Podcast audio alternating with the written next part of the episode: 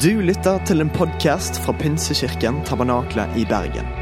Vi tror at kirken skal være en plass hvor mennesker trives gjennom alle livets faser. En kirke for hele livet. Ønsker du å bli bedre kjent med oss eller holde deg oppdatert? Besøk vår Facebook-side eller ptb.no. Her er ukens tale. Fred Håberg heter jeg. Jeg er sørlending. Jeg skal stå på scenen snart, men jeg vil vise video, så da bare holder meg her nede bitte litt til. Jeg er internasjonal leder i pinsebevegelsen, og det var en på Sørlandet som hørte om at jeg var blitt internasjonal leder for pinsebevegelsen. Han tenkte wow, det var svært.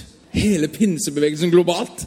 Nei da. Det var ikke sånn. Det er et lite kontor i Oslo med få ansatte som jobber med misjon. Jeg har lyst til å bare gratulere Tabernakle Bergen Forrige gang vi sjekka, så var dere på aller høyeste liksom, førsteplass i menighet med misjonsengasjement og omsetning i misjon!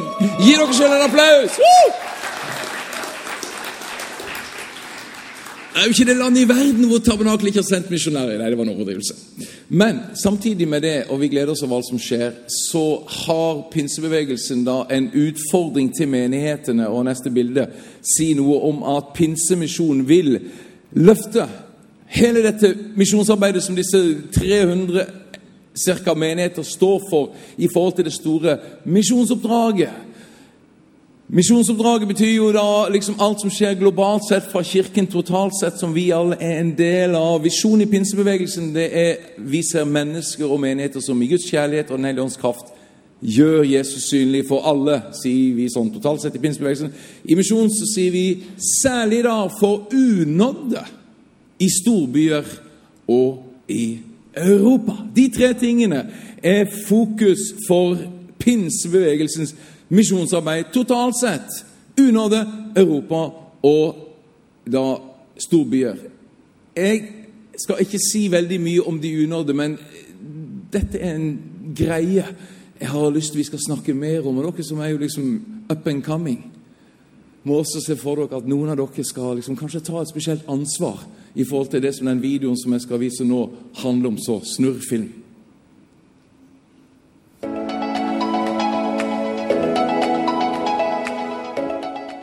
Understanding the remaining mission task.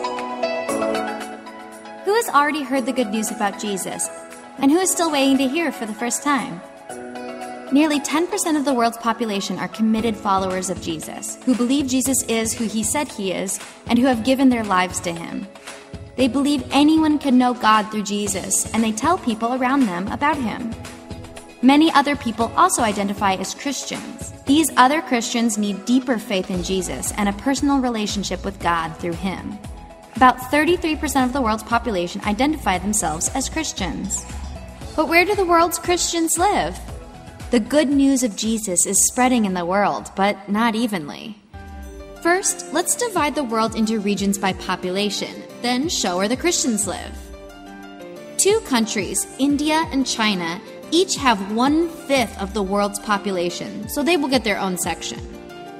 The Muslim majority countries also get their own section because they are similar to each other. There are other Asian countries and other non Muslim majority countries in Africa.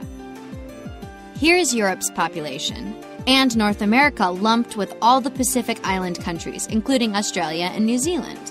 And finally, Latin America from Mexico South.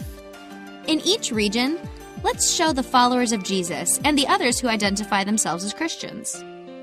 Latin America has the highest total percentage of Christians, followed by North America and the Pacific. Europe has many nominal Christians, while non Muslim Africa has many committed followers of Jesus.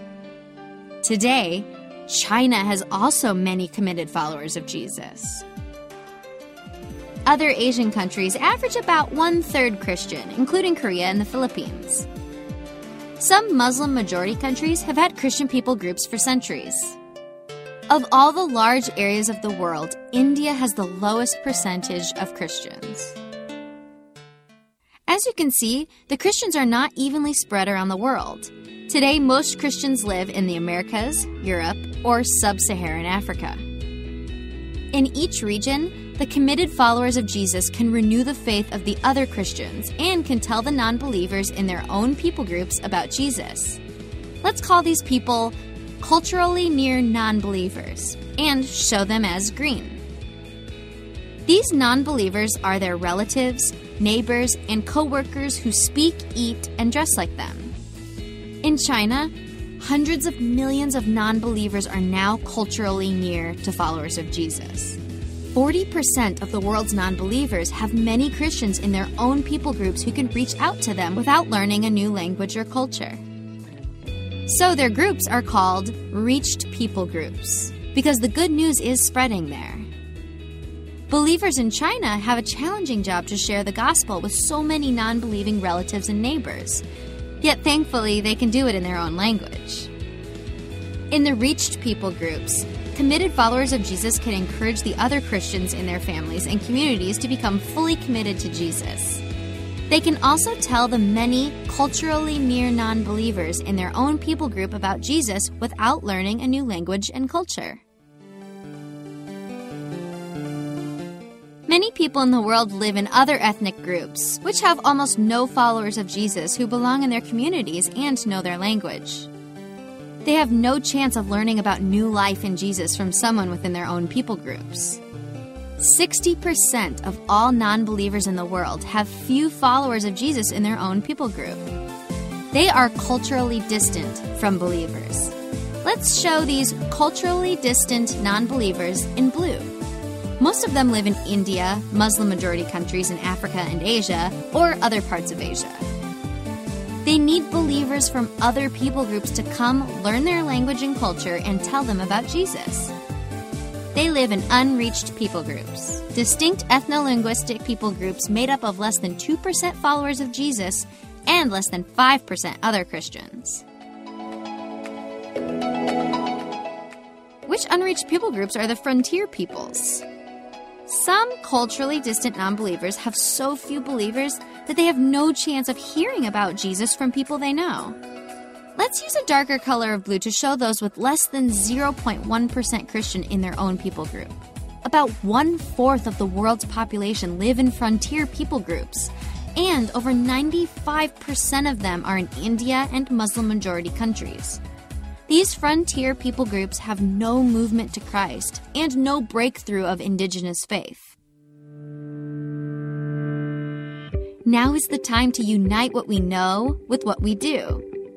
So, we know that the reached people groups have lots of followers of Jesus who can tell them about Jesus. But guess what? We send 30 times as many cross cultural Christian workers to them as we do to the people in unreached people groups. 30 to 1. These workers are not just going out from the West, they're going from everywhere to everywhere. But most of them are sent to work with other churches in their training or outreach programs. Currently, for every 30 cross cultural Christian workers that go to the reached people groups of the world, roughly one goes to the unreached people groups, including the frontier people groups. As a result, the needs of people in unreached people groups, especially those in frontier people groups, are being grossly overlooked. The remaining mission task is largely in India, Muslim majority countries, and Asia. We need many more witnesses for culturally distant non believers in unreached people groups and in frontier people groups. The frontier peoples are still waiting to hear about Jesus for the first time. This is the mission mobilization challenge of our generation.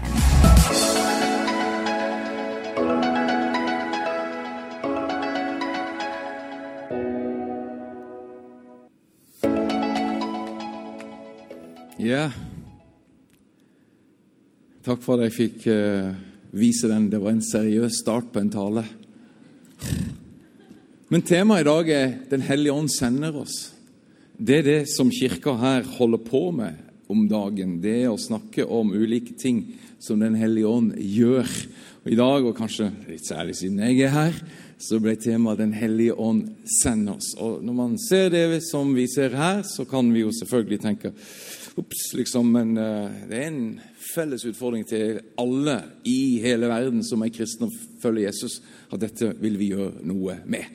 Folkegrupper, unådde folkegrupper, er da eh, kanskje hovedutfordringen i misjon, og vi må snakke sammen mer om dette. Er vi enige om det? Ok. Takk, Jesus, at du så det vi så, og du hører også de som ber uten å vite at de ber, om at de kan finne deg der det ikke er noen til å fortelle om deg. Jesus, vi ber at den situasjonen skal endres. Hjelp oss å ta vår del i Jesu navn. Amen. Ok.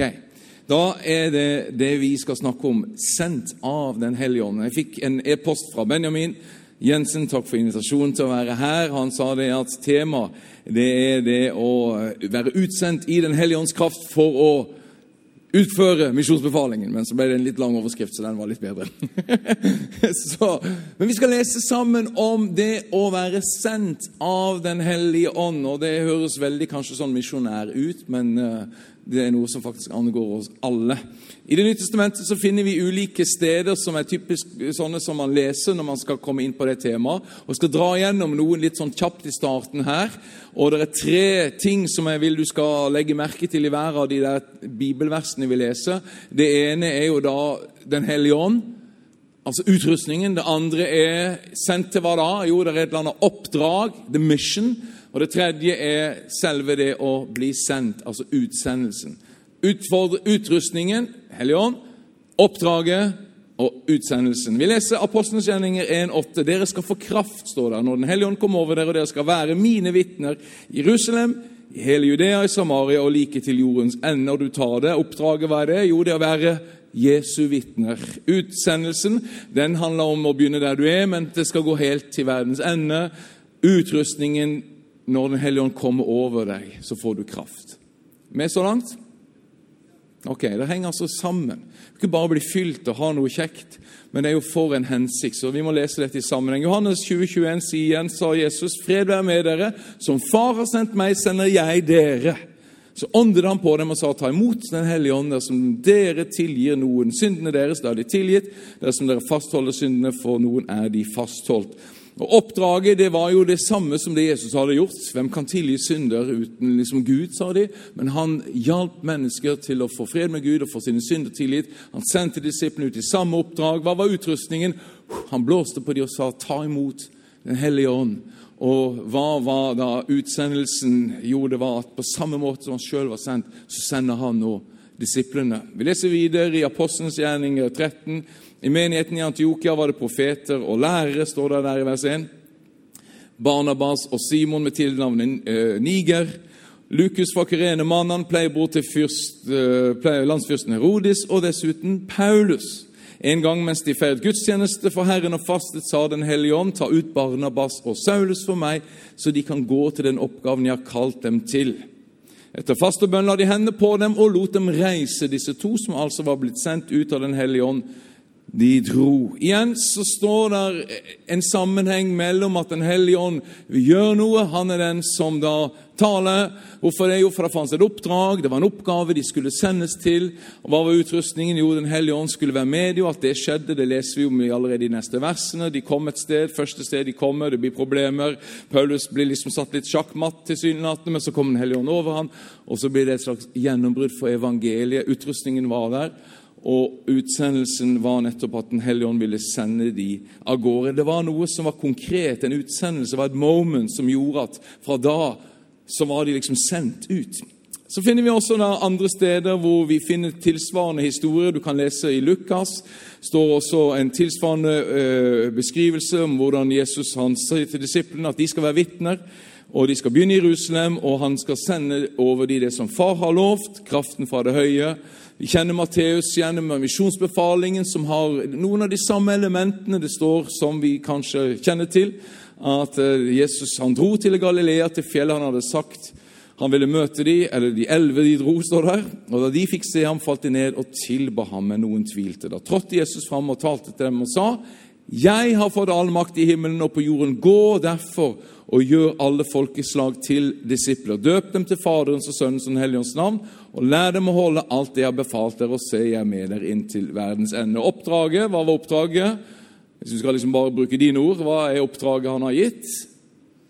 Gjøre disipler. ok? Gjøre disipler. Oppdraget. Ok, Hva, hva, hva, hva er utrustningen? Altså, du ikke akkurat om Den hellige ånd men det er helt tydelig at Jesus han sier 'jeg har all makt'. Jeg, har liksom, eh, jeg er Herren, så derfor går jeg med. Og, og, og, og mobiliseringen, utsendelsen, var jo bare gå derfor. Siste, Markus, har en ca. samme type fortelling. står i vers 15. Han sa til dem, gå ut i hele verden og forkynne evangeliet for alt som Gud har skapt. Den som tror blir døpt, skal bli frelst, men den som ikke tror, skal bli fordømt. Og disse tegnene skal følge den som tror i mitt navn. Skal de drive ut onde ånder, og de skal tale i nye tungemål. De skal ta slanger i hendene. Om de drikker dødelig gift, skal de ikke skade dem. Og når de legger hendene på syke, skal de bli friske. Etter at Herren Jesus hadde, blitt, hadde blitt, eh, talt med dem, ble han tatt opp til himmelen og satt seg ved Guds høyre hånd. Men de gikk ut og forkynte overalt, og Herren virket med og stadfestet ordet gjennom de tegn som fulgte. Så hvis vi oppsummerer altså sendt av Den hellige ånd For hvorfor da? Jo, det er jo fordi at liksom det er et eller annet oppdrag. Det fins ulike måter det oppdraget er beskrevet på. Etter at vi er vitner, etter at vi skal gjøre disipler, etter at vi skal forkynne evangeliet, etter at det fins en oppgave for oss. Ulike ord som handler egentlig om at det er et oppdrag som Den hellige ånd vil sende oss ut i, men fra å gå fra der vi er, og til å være utsendt, så må det skje en eller annen sånn type Nå er jeg utsendt. I, I, I'm live, liksom. Skjønner du det? Det går an å sitte og tenke på det føle på det, men den der koblingen til å være en del av utsendelsen er det som kalles eller oppdraget er det som kalles utsendingen. Hvis vi tenker oss tre ulike ting som vi da ser henge sammen Den hellige ånd som utruster, det oppdraget som vi da skal delta i, og det punkt at vi faktisk blir en del av det. Utsendelsen. Vi tar tre sånne, stopper litt på hver av de. Den hellige ånd er tema i menigheten her. og Dette er jo en pinsemenighet. og Mange av dere har bakgrunn fra kanskje den type kirke. Noen har ikke det. Det er veldig fint at du har kommet hit. Dette er ikke en menighet som prøver å skremme folk vekk med ville ablegøyer og noe sånn halsbrekkende karismatikk. Det er en ganske down to earth menighet. Det går an å snakke med folk, og de er fornuftige. Selv den internasjonale lederen er bare litt miljøskadet. Han har vært i Afrika, slått seg litt løs, hengt i noen gardiner Nei da. Men du vet når man er i Afrika, da Da må man jo bare kjøre på. Eh, men iallfall, dette med kraft sant? Vi liker vi pinser, vi liker kraft. Sant? Du skal få kraft. Halleluja. Når vi snakker om Den hellige ånd, så snakker vi ikke først og fremst om eh, liksom noe sånn fint og saft. Ja. Litt miljøskader kanskje, har vokst opp i pinsen. Det var liksom Den hellige ånd, det var det kraft! Ja, men Det fins mange sider av Den hellige ånd, og heldigvis er det flere søndager. Men når vi snakker om kraft, så snakker vi om dynamisk. Det er jo et gresk ord som betyr liksom noe som er dynamisk, noe som funker, noe som virker. Og eh, Det som er litt viktig å tenke på, da, det er iallfall at ikke vår fortelling til oss sjøl blir liksom at hvis jeg kjenner liksom jeg får så og så høy lading på batterier, så og så mye power på innsiden Å, da skal jeg gjøre noe. Det fins jo en sånn feiloppfatning, kanskje ikke nå lenger, men liksom før, at vi får liksom aldri helt nok av Den hellige ånd. Vi blir liksom aldri nok ordentlig liksom preppa og fylt opp og liksom sterke nok. Og så sitter vi liksom og kjenner på jeg må ha litt mer, litt, vente litt. Og så, så, tror vi at det er sånn det er. At å ha kraft det er en slags nivå av å føle seg veldig sånn potent. og dette, Nå matcher jeg liksom alle utfordringer. Kjenner at dette går så vanvittig bra. Nå kan jeg bare gå. Det er jo ikke sånn det funker. Og Det er litt skummelt hvis vi tar som utgangspunkt at ja, ja, Den hellige ånd, hvis vi får en eller annen veldig spesiell opplevelse med han, så kanskje jeg også skal vurdere å gå. Det å snu det litt på hodet. Men når man likevel begynner å snakke litt om det med kraften For Paulus i Efesene 6,10 for øvrig, eller til slutt, mine venner, bli sterk i Herren og Hans veldige kraft, står der i denne her oversettelsen her. En eh, forrige eller tidligere si Hans veldes kraft. Du skjønner, Det som er noe av utgangspunktet vårt, det er jo ikke at vi først søker en eller annen opplevelse av Den hellige ånd som setter oss på et helt nytt sted, og da begynner vi å tenke misjon, og da begynner vi å tenke at kanskje vi skal gå ut.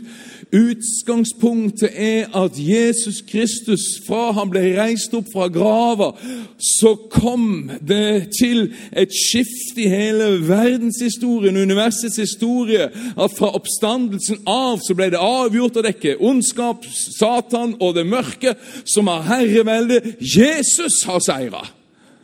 Ja, ja, på formiddagsmøtet sa de amen, men der var det jo flere eldre pin pinsevenner. så det var... og han kommer til disiplene og sier 'Jeg har fått all makt i himmelen og på jord'. Og, og, og vi liksom mm, 'Ja, men stemmer det?' Og det er jo fortsatt mye ondskap, og det skjer forferdelige ting. Vi får det ikke til å stemme liksom intellektuelt. Men vi må forstå at evangeliet handler om at det skjedde et definitivt skifte. Oppstandelsen var ikke at han kvikna til og liksom kom seg litt. Han liksom, fikk rista av seg litt sånn dødens greier, og så kom han seg. Nei, vet du hva, Oppstandelsen var et mirakel. Gud reiste han opp ved sin makt, og faktisk er oppstandelsen ikke bare liksom en hendelse, men det er som den første dagen i en ny uke. Som Gud skapte i gamle dager. I Bibelen forteller vi Gud skapte i begynnelsen, så skaper Gud på nytt. Han nyskaper gjennom Kristus og hans oppstandelse, det innvarste starten på nyskapelsen. Han var den han var, han var samtidig ny. De kjente han igjen, men det var noe som var annerledes. Wow, hvilket bilde! Gud nyskapet det er det vi kjenner, og det er likevel annerledes. Når de så han, så falt de ned. Så tilba de han, og så skjønte de men det er jo Jesus. Ja, men det er noe likevel mer enn bare det vi har forholdt oss til. Jeg har fått all makt i himmelen på jord. Paulus blir sterk i Herren og hans veldes kraft. Velde var det jo, det herrevelde. Det er den posisjonen han har, den autoritet at han er kongen. Bli sterk, kjenn deg styrka, vær frimodig i kraften av at det er han som er på topp. Han er sjef, han er regjerende. Han har fått den legitime rettigheten til å være arving til alle ting, sier Bibelen. Gud har innsatt sin konge, og verden går mot at Kristi nærvær og herredømme skal vokse mer og mer og en gang fylle alt. Wow, er det sånn det? Ja, men Det er sånn det er, og det er fordi at han er på topp, det er fordi at han er konge, han er rettmessig herre. Så faller vi ned i tilbedelse, og så vil vi gå ut og hjelpe mennesker å finne sin plass i forhold til at det er jo han som er kongen. Det er jo helt tullete å henge fast i gårsdagens regjering. De som styrte før, er jo avsatt. Nå er det jo en ny som er på tronen, og vi vil hjelpe mennesker til et disippelliv, til å døpes til han, til å overgi seg til han, til å lære å leve på en sånn måte at hans gode herredømme bringer fred, liv, frelse. Halleluja, som man sier i Afrika, eller en plass. Som andre ord, Når vi skal bli sterke, når vi skal liksom ha med Den hellige ånd og kraften å gjøre, så er ikke det bare en subjektiv opplevelse, men å bli sterk i Herrens velde. Og i det kraften som fins, i kraften som han har i sin regjeringsmakt, om du kan si det sånn. Han har kraft til å underlegge seg alle ting, står der. Og så nyskaper ikke han med brutalitet og liksom sjefing. Han nyskaper gjennom å begynne å skape deg og meg nye. Og så blir vi en del av hans nyskaping rundt oss. I vårt nærmiljø, der vi er i naturen på alle måter, så skal vi være en kraft. Og Derfor går vi ut med frimodighet. Likevel så tror vi i at samtidig som det står at vi skal bli sterke i Herren og Hans veldige kraft, så tror vi på erfaringen med Den hellige ånd tungetale og sånt. Taler i tunger. Å, det hender det, ja. Du vet, Før i tida så hadde vi Livets ord. Det hjalp alle til å tale i tunger. Det var en kirke i Sverige som var veldig på hugget på den slags. Dere, de fleste av dere er for unge til å ha hørt om Livets ord, antageligvis. Men man hadde steder, man hadde måter. Man kom i berøring ved en personlig erfaring med Den hellige ånd. Nå har man leir, i alle fall. Heldigvis. Det fins leirer, det fins steder, det fins alfavikner, det fins sånne steder hvor man kan få komme til sånn punkt at møtet med Den hellige ånd blir såpass konkret at du lar det stå til. Jeg prøver å lese forsamlingen her. Graden av skepsis har liksom steget ganske høyt, ser jeg. Han er ikke god, han er internasjonale lederen. er kanskje for mye kaffe. Jeg fikk så forresten utrolig god sånn der eh, brasiliansk biff av Benjamin. Og de skar og de skar og de skar. Og de skar. Og jeg tenkte jeg klarer nesten ikke å preke på dette møtet. Får nesten ikke en skjorte etter den der treatmenten. så... Men det anbefales. Tungetale, hva er det? Jo, tungetale er jo ikke liksom en sånn yes, been there, done that. Men, men, men, men det å oppleve seg utsendt av Den hellige ånd, det er ikke bare en fin heading. Det er rett og slett en opplevelse av at Den hellige ånd er en faktor i livet ditt. Du kjenner Den hellige ånd. Du merker at du har med Guds hellige ånd å gjøre på en sånn måte at han begynner å bevege noe i deg. Og tungetalen er noe vi inviterer alle til å gjøre en erfaring med. Det sto at Den hellige ånd skulle komme over folk. Man skulle bli fylt opp av Den hellige ånd. Og tungetalen er jo ikke en mekanisk liksom, Den hellige som grabber tak i deg og får deg til. Det er du som velger samspillet. Og det er jo det samspillet hvor du lar det stå til, og du sier det du kjenner Den hellige ånd gir deg og taler, at du begynner å erfare hva det vil si å samspille med Gud.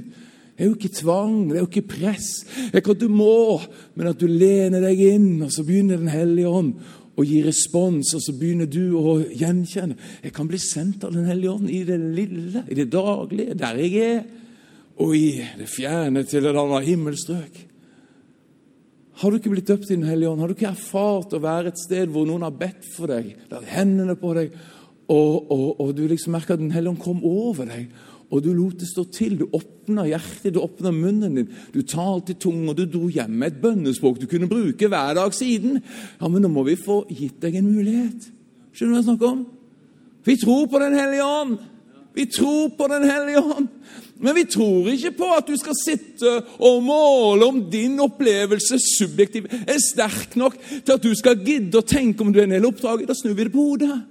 Herren er på toppen, han har makten, og i hans velde så er vi frimodige. Men i den prosessen så søker vi å lene oss inn, så Den hellige ånd og vi kan bli fortrolige. Am I talking? Forstår vi? Der kan vi gjenkjenne at vi er plassert. Der kan vi gjenkjenne at det som en sånn opplevelse kan gi oss, det hjelper oss i det videre.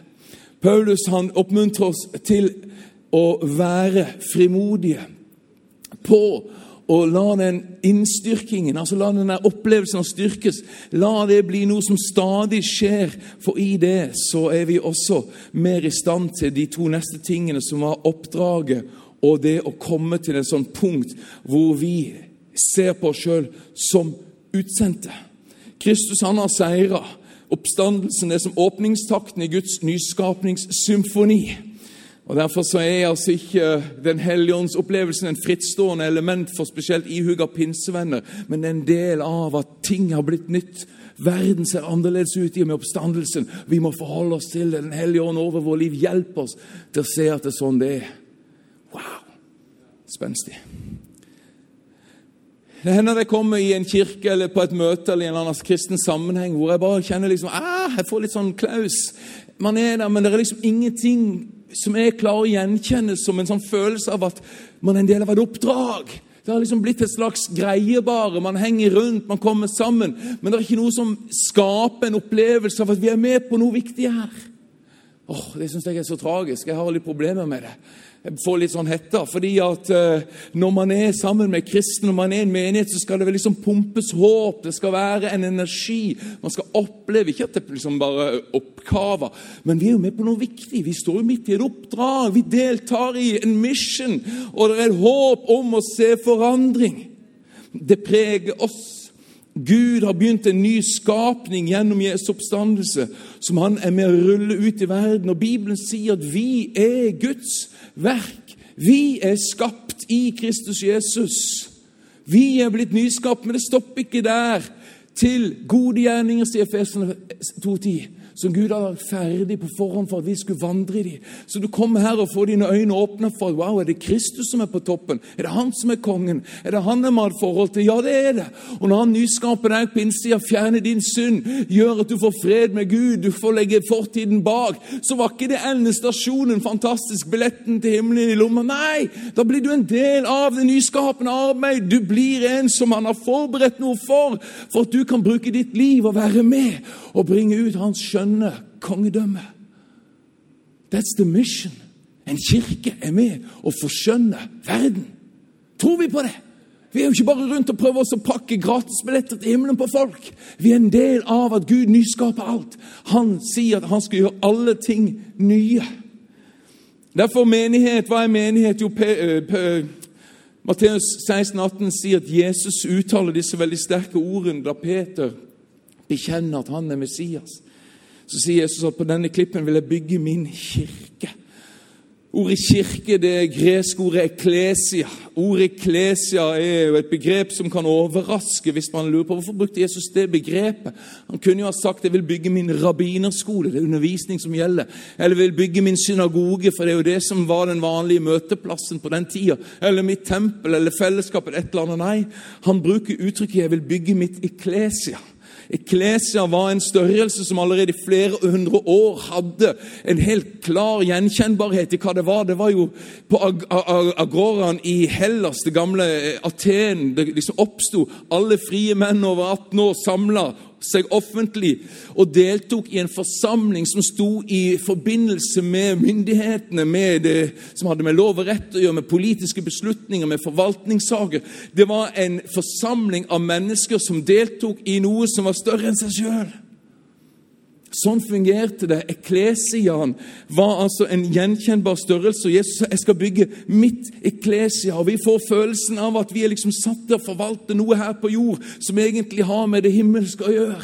Som Jesus sa til disiplene, at om du binder noe på jord, så er det bundet i himmelen. Om du løser noe på jord, så er det løst i himmelen. Det er jo helt håpløst hvis vi kommer til en forsamling, og det er perspektivløst. Det er oppdragsfjernt. Da har Kirken mista seg sjøl. Vi er jo eklesiaen.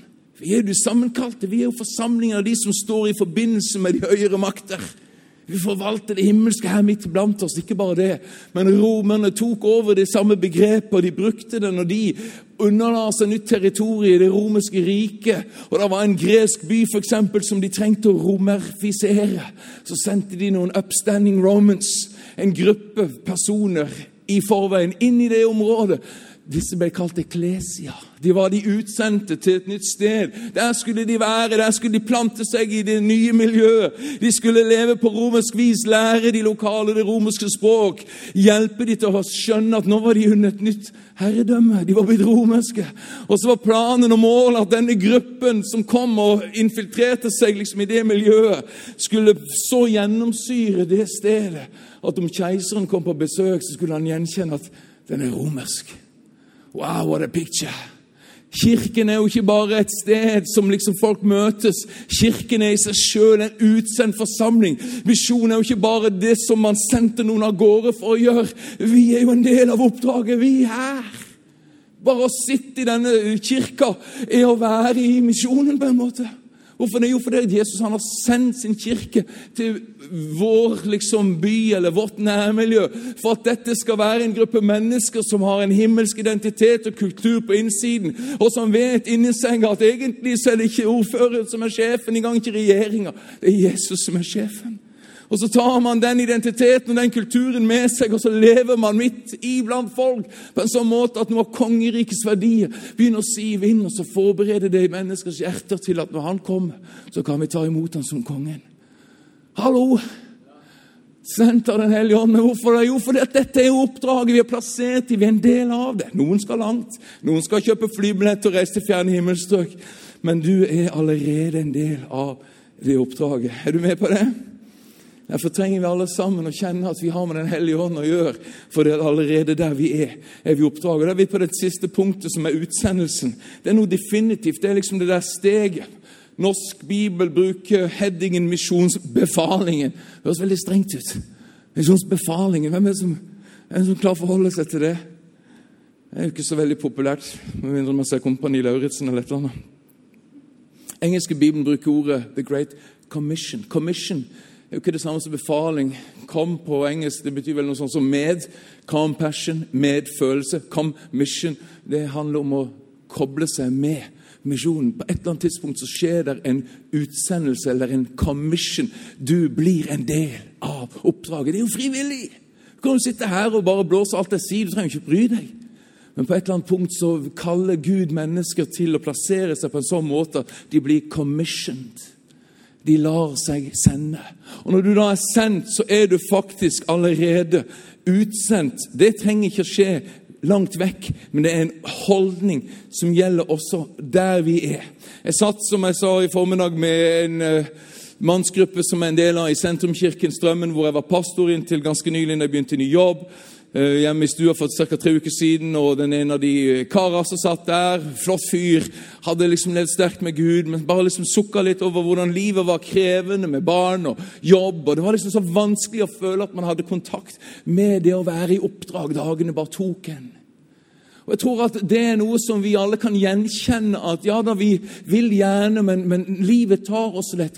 Hvordan kan vi gjøre det på en sånn måte at der vi er, kan vi likevel leve med en holdning eller på en måte som gjør at vår bevissthet er at vi er utsendt. Jeg tror det hjelper å være i en kirke som denne. Jeg tror det hjelper å komme på en søndag som denne. Det hjelper å se på neste uke med utgangspunkt i en søndag som er mer og mer med sånn commission. Sende deg ut. Gjør at du får bli påminnet men det er jo en del av oppdraget. Jesus han kan gjennom meg være med å skape noe nytt. Han kan bringe håp. Han kan gjøre noe for mennesker. Det hjelper å begynne hver dag i bønn og si, 'Herre, her er jeg. Jeg er jo utsendt, er jeg ikke det, da?' I'm commissioned. Jeg har jo egentlig sagt ja.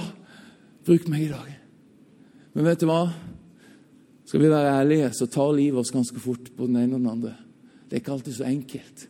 Og Vi trenger faktisk å snakke mer om hvordan kan vi hjelpe hverandre til strukturer og måter å holde oppdraget levende i det travle livet. Ok?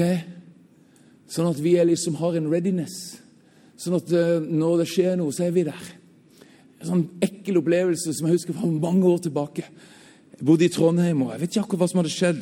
Hender at jeg har rota meg litt vekk i livet, og jeg har ikke alltid vært mors beste barn, kan jeg tenke selv. Men Gud han har vært god med meg, og jeg er fortsatt med. Jeg mener, hallo, Vi er ikke helgener. Det er ikke alltid at alt går på stell. Og Jeg bare fikk en sånn følelse Jeg tok bussen eller sånn ned til sentrum i Trondheim, og, og, og, og det liksom bare traff meg at Akkurat som jeg liksom fikk en sånn følelse av at om Gud hadde liksom lagt det på et sølvfat at jeg nå skulle snakke med en eller annen på den bussen, så bare var jeg så på et sted så jeg var så bare totalt indisponibel. Jeg følte meg sånn fullstendig ikke-tilgjengelig for Gud. Og det bare, det bare, traff meg sånn. Det gjorde meg så vondt. Og jeg tenkte I have no readiness. Jeg er ikke der. Jeg er ikke der. Og så lett så suges vi opp av egne greier, skuffelse over egen tro som ikke er så mye som den burde vært, kan vi føle. Men vet du hva? Gud vil hjelpe oss til å komme der at vi kan ha en readiness i vårt vanlige liv. Sånn at når anledningen byr seg, når det er en mulighet, så var vi der. Ok? Sendt av Den hellige ånd. Han ga det lille dyttet. Han ga den lille minnelsen, og så var vi der. Nå må jeg jo jeg slutte, og jeg er omtrent ikke ferdig engang. Hva gjør jeg da? Jo, jeg prøver. Tre enkle ting til slutt. Er det noe band som skal spille, kan de komme fram nå? Har det gått bra? Ja, det går bra. Fint. Dere er gode. Tre enkle ting i forhold til bare hjelpe oss i forhold til den siste å, ha en, beveg, en, en sånn bevissthet om å være utsendt. Prøv å foreslå for deg at det ikke nødvendigvis må se ut som at du må reise et annet sted og være utsendt som en misjonær. Noen skal kanskje det men i der vi er og i det daglige. Jeg foreslår for deg at du må passe på at du alltid har håp i ditt hjerte og bærer det. Romerne 14, 13 sier må håpets Gud fylle dere med all glede og fred i troen, så dere kan bli rike på håp ved Den hellige ånds kraft. Et flott vers. Vet ikke hvordan du leser det verset, men for meg er det et sånn uttrykk for at det nyskapte er sjøl nyskapende.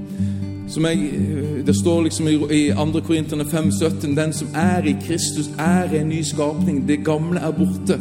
Se, det nye er blitt til. Og Sånn er det når vi kommer til tro. Om du ikke kjenner Jesus her i kveld, og du får liksom komme på plass i din relasjon med han, tar imot han, kan du få merke hvordan det liksom bare kommer å slippe tak, skyld, samvittighet som gnager, ting man har gjort. Fantastisk å bli ny. Fantastisk å få legge av det gamle. Fantastisk å bli ny på innsida. Kjenne at det gamle er blitt bort, og det nye er blitt til. Det å ha glede og fred i troen, som det står, det er tegn på at det har skjedd noe nytt inni oss. Vi har kommet på plass, men det stopper ikke der. Det nye det er ikke bare inni oss, det er ikke bare det nye inni oss som er blitt til, men måten vi ser på verden, er også blitt ny. Vi ser på våre medmennesker, omgivelser, med nye øyne. Noe nytt har blitt til. Et håp. Gud sier i sitt ord at han vil gjøre alle ting nye. Vet du hva, Vi går ikke mot bare forferdelse. Ja, det er mye å grue seg over. Det er krig i Ukraina, og det er problemer med miljøet. Det er lett å føle seg håpløs. En av oppdragene med å være utsendt, en av de tingene Helligånden hjelper oss til, det er å være bærer av håp. Rike på håp ved Den hellige ånds kraft. Se, gjør alle ting nye. Gud har seira gjennom Jesus Kristus. Oppstandelsen har satt Jesus på tronen, og han gir seg ikke før alt er blitt nytt. Hallo, det er jo sånn det er, og derfor så bærer vi inni oss et håp om at ikke bare mennesker blir nye, men alt blir nytt. Og bare det å være bærer av håp, ikke bare være allment positiv, men bærer av håp innså et bilde av at Gud arbeider midt i vår verden av kaos, og arbeider Gud å skape noe nytt. Du er utsendt av Den hellige ånd. Du er en annerledes person, og Peter sier det. Vær beredt til å forsvare deg, eller gi Vær alltid klar til forsvar når noen krever dere til regnskap for det håp dere eier, sier Peter. Og Derfor så er det å være utsendt det er faktisk å bare i det daglige Du trenger ikke engang si noe, men du bare bærer en ting på innsida som vitner om at du vet hvem som har seira, og du vet hvem som du er sendt ut på vegne av. Amen? Trenger ikke åpne munnen engang, men det er noe inni deg som vitner. Helligånden har gjort deg rik på håp. Han sender deg for å være en annen ånd, en annen kraft, en annen liksom, nærvær i en verden som dras, liksom Presses inn av alt fælt. Det andre er at det vi kan gjøre hver dag, vi kan ha et disippelfokus. Vi kan si det at Et av de viktige tingene Jesus sa, det var at man skulle gjøre alle folkeslag til disipler. Og det å faktisk bli en disippel, ta da vare på en sånn daglig forhold til Gud med å si at ja, men en av oppdragene faktisk at jeg sjøl blir en disippel. Ha noen som snakker inn i livet ditt, ha noen du relaterer til, ha noen du velger å være ansvarlig i forhold til. Ha en bevissthet rundt at jeg er egentlig bare i en sånn utviklingsprosess hvor jeg også må lære å gå med Gud. Det er ikke noe man bare kan, det er ikke noe man bare fikser. Det er en prosess av å lære. Det å være i en disippelprosess er å være en del av utsendelsen og av oppdraget. I tillegg så kan du få gi videre. Når du har blitt sett, så kan du se andre. Når noen har hjulpet deg med noe, så kan du hjelpe andre. Det er bra å spørre deg sjøl. Hvem er det som trener meg? Hvem er det jeg står litt sånn ansvarlig for? Hvem har jeg i livet mitt som faktisk hjelper meg å bli en disippel? Hvis du kan si at det er noe sånt på plass i livet ditt, da er du faktisk en del av oppdraget. Du formes til en disippel, og det er et svar på noe av utsendelsen. I tillegg at du kan si 'Hvem er det jeg trener? Hvem er det jeg er med å investere i?' Kan du si at 'jeg har noen som jeg prøver å bruke tiden med for å hjelpe til å bli en disippel'? Ja, da utfører du oppdraget i det daglige. Siste er at si ja. Si ja.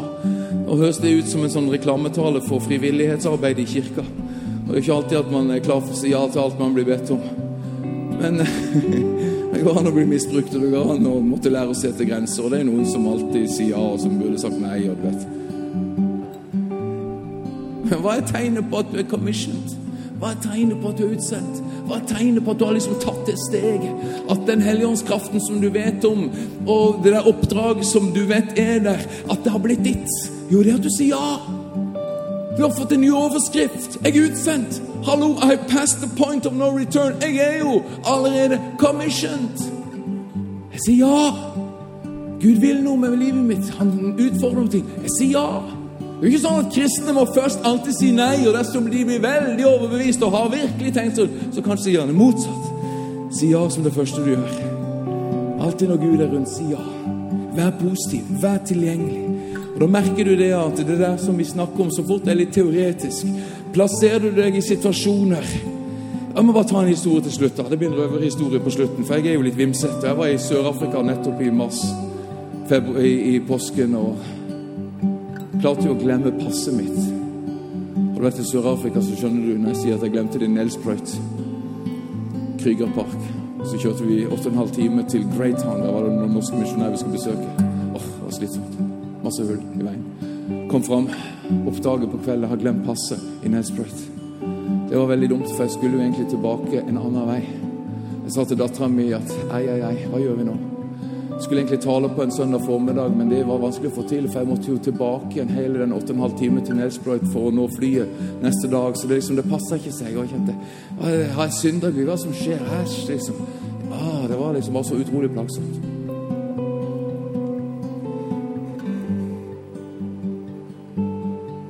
Og det er så lett at når vi er ute der, så vendes blikket mot oss sjøl. Det vi skulle hatt, som vi burde vært. Sånn det skulle ha sett ut. Så flinke vi skulle ha vært. Vi kan kjenne oss anklaga. Vil du ut med Jesus, er det ikke sånn at alt bare ruller ut for deg. Jeg ble litt sånn fortvila på meg sjøl. Tenkte ah, at det går an. Jeg sa til misjonæren jeg tror ikke vi kan preke på den søndagen. Det er oppstandelsessøndagen. Det var veldig leit, sa Det var veldig dumt. Problemet var bare det hvis vi skulle være på det møtet ferdig klokka ett og skulle kjøre, så var det jo mørkt lenge før vi kom fram, og det er ikke trygt i Sør-Afrika å drive sånn. Gud, hva gjør jeg? Og Vi prøvde å få noen til å hente det passet og kjøre det til Johannesburg, og vi merket det bare funka ikke.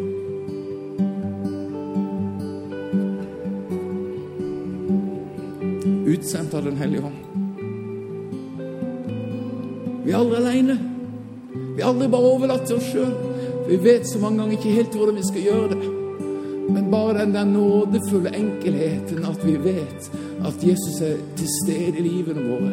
Vi er utsendt av Den hellige ånd. Og jeg klarte å samle meg til å bare slappe av avvente og søndag morgen. Så kjente vi at neimen, vet du hva, dette går det. Vi skal preke på det møtet. Vi skal gjøre det vi har tenkt. Gud skal ta hånd om oss. Skal, dette skal funke, det. For Den hellige ånd er den som er vår kilde og vår ressurs. Jeg fikk fred i mitt hjerte for å gjøre det. Og Det var ikke det at det brøt ut vekkelse, men det var fantastisk å preke i den kirka. Levere et, et budskap på første påskedag, og det var jo langt på dag før vi kom oss derfra. Og det var blitt skikkelig mørkt før vi kom fram, og det var masse hull i veien, og hadde vi du vet, skjedd et eller annet der i øde trakter og bla, bla, bla. Det kunne gått galt, og det var sikkert ikke klokt, alt det. Men halleluja, det funka som knall! Ikke sant? For det er jo det som er hemmeligheten, at vi er jo ikke bare utsendt liksom for å prøve. Vi er utsatt av Den hellige ånd, og da er vi ikke alene. Vi er sammen med en som hjelper oss. Men du må ta steget. Du må ta steget, du må plassere deg et sted hvor det begynner å rulle. Commission er at du har kobla deg til misjonen, sier jeg min. Det skal vi sørge for. Og så skal vi søke at Den hellige ånds kraft blir en realitet. Men vi gjør det ikke subjektivt som en bare sånn Ja, føler det sterkt nok nå. Vi har allerede bøyd oss under Jesus som er Herren over alt. Du lytter til en podkast fra Pinsekirken Tabernakle i Bergen. Vi tror at kirken skal være en plass hvor mennesker trives gjennom alle livets faser. En kirke for hele livet. Ønsker du å bli bedre kjent med oss eller holde deg oppdatert? Besøk vår Facebook-side eller ptb.no. Her er ukens tale.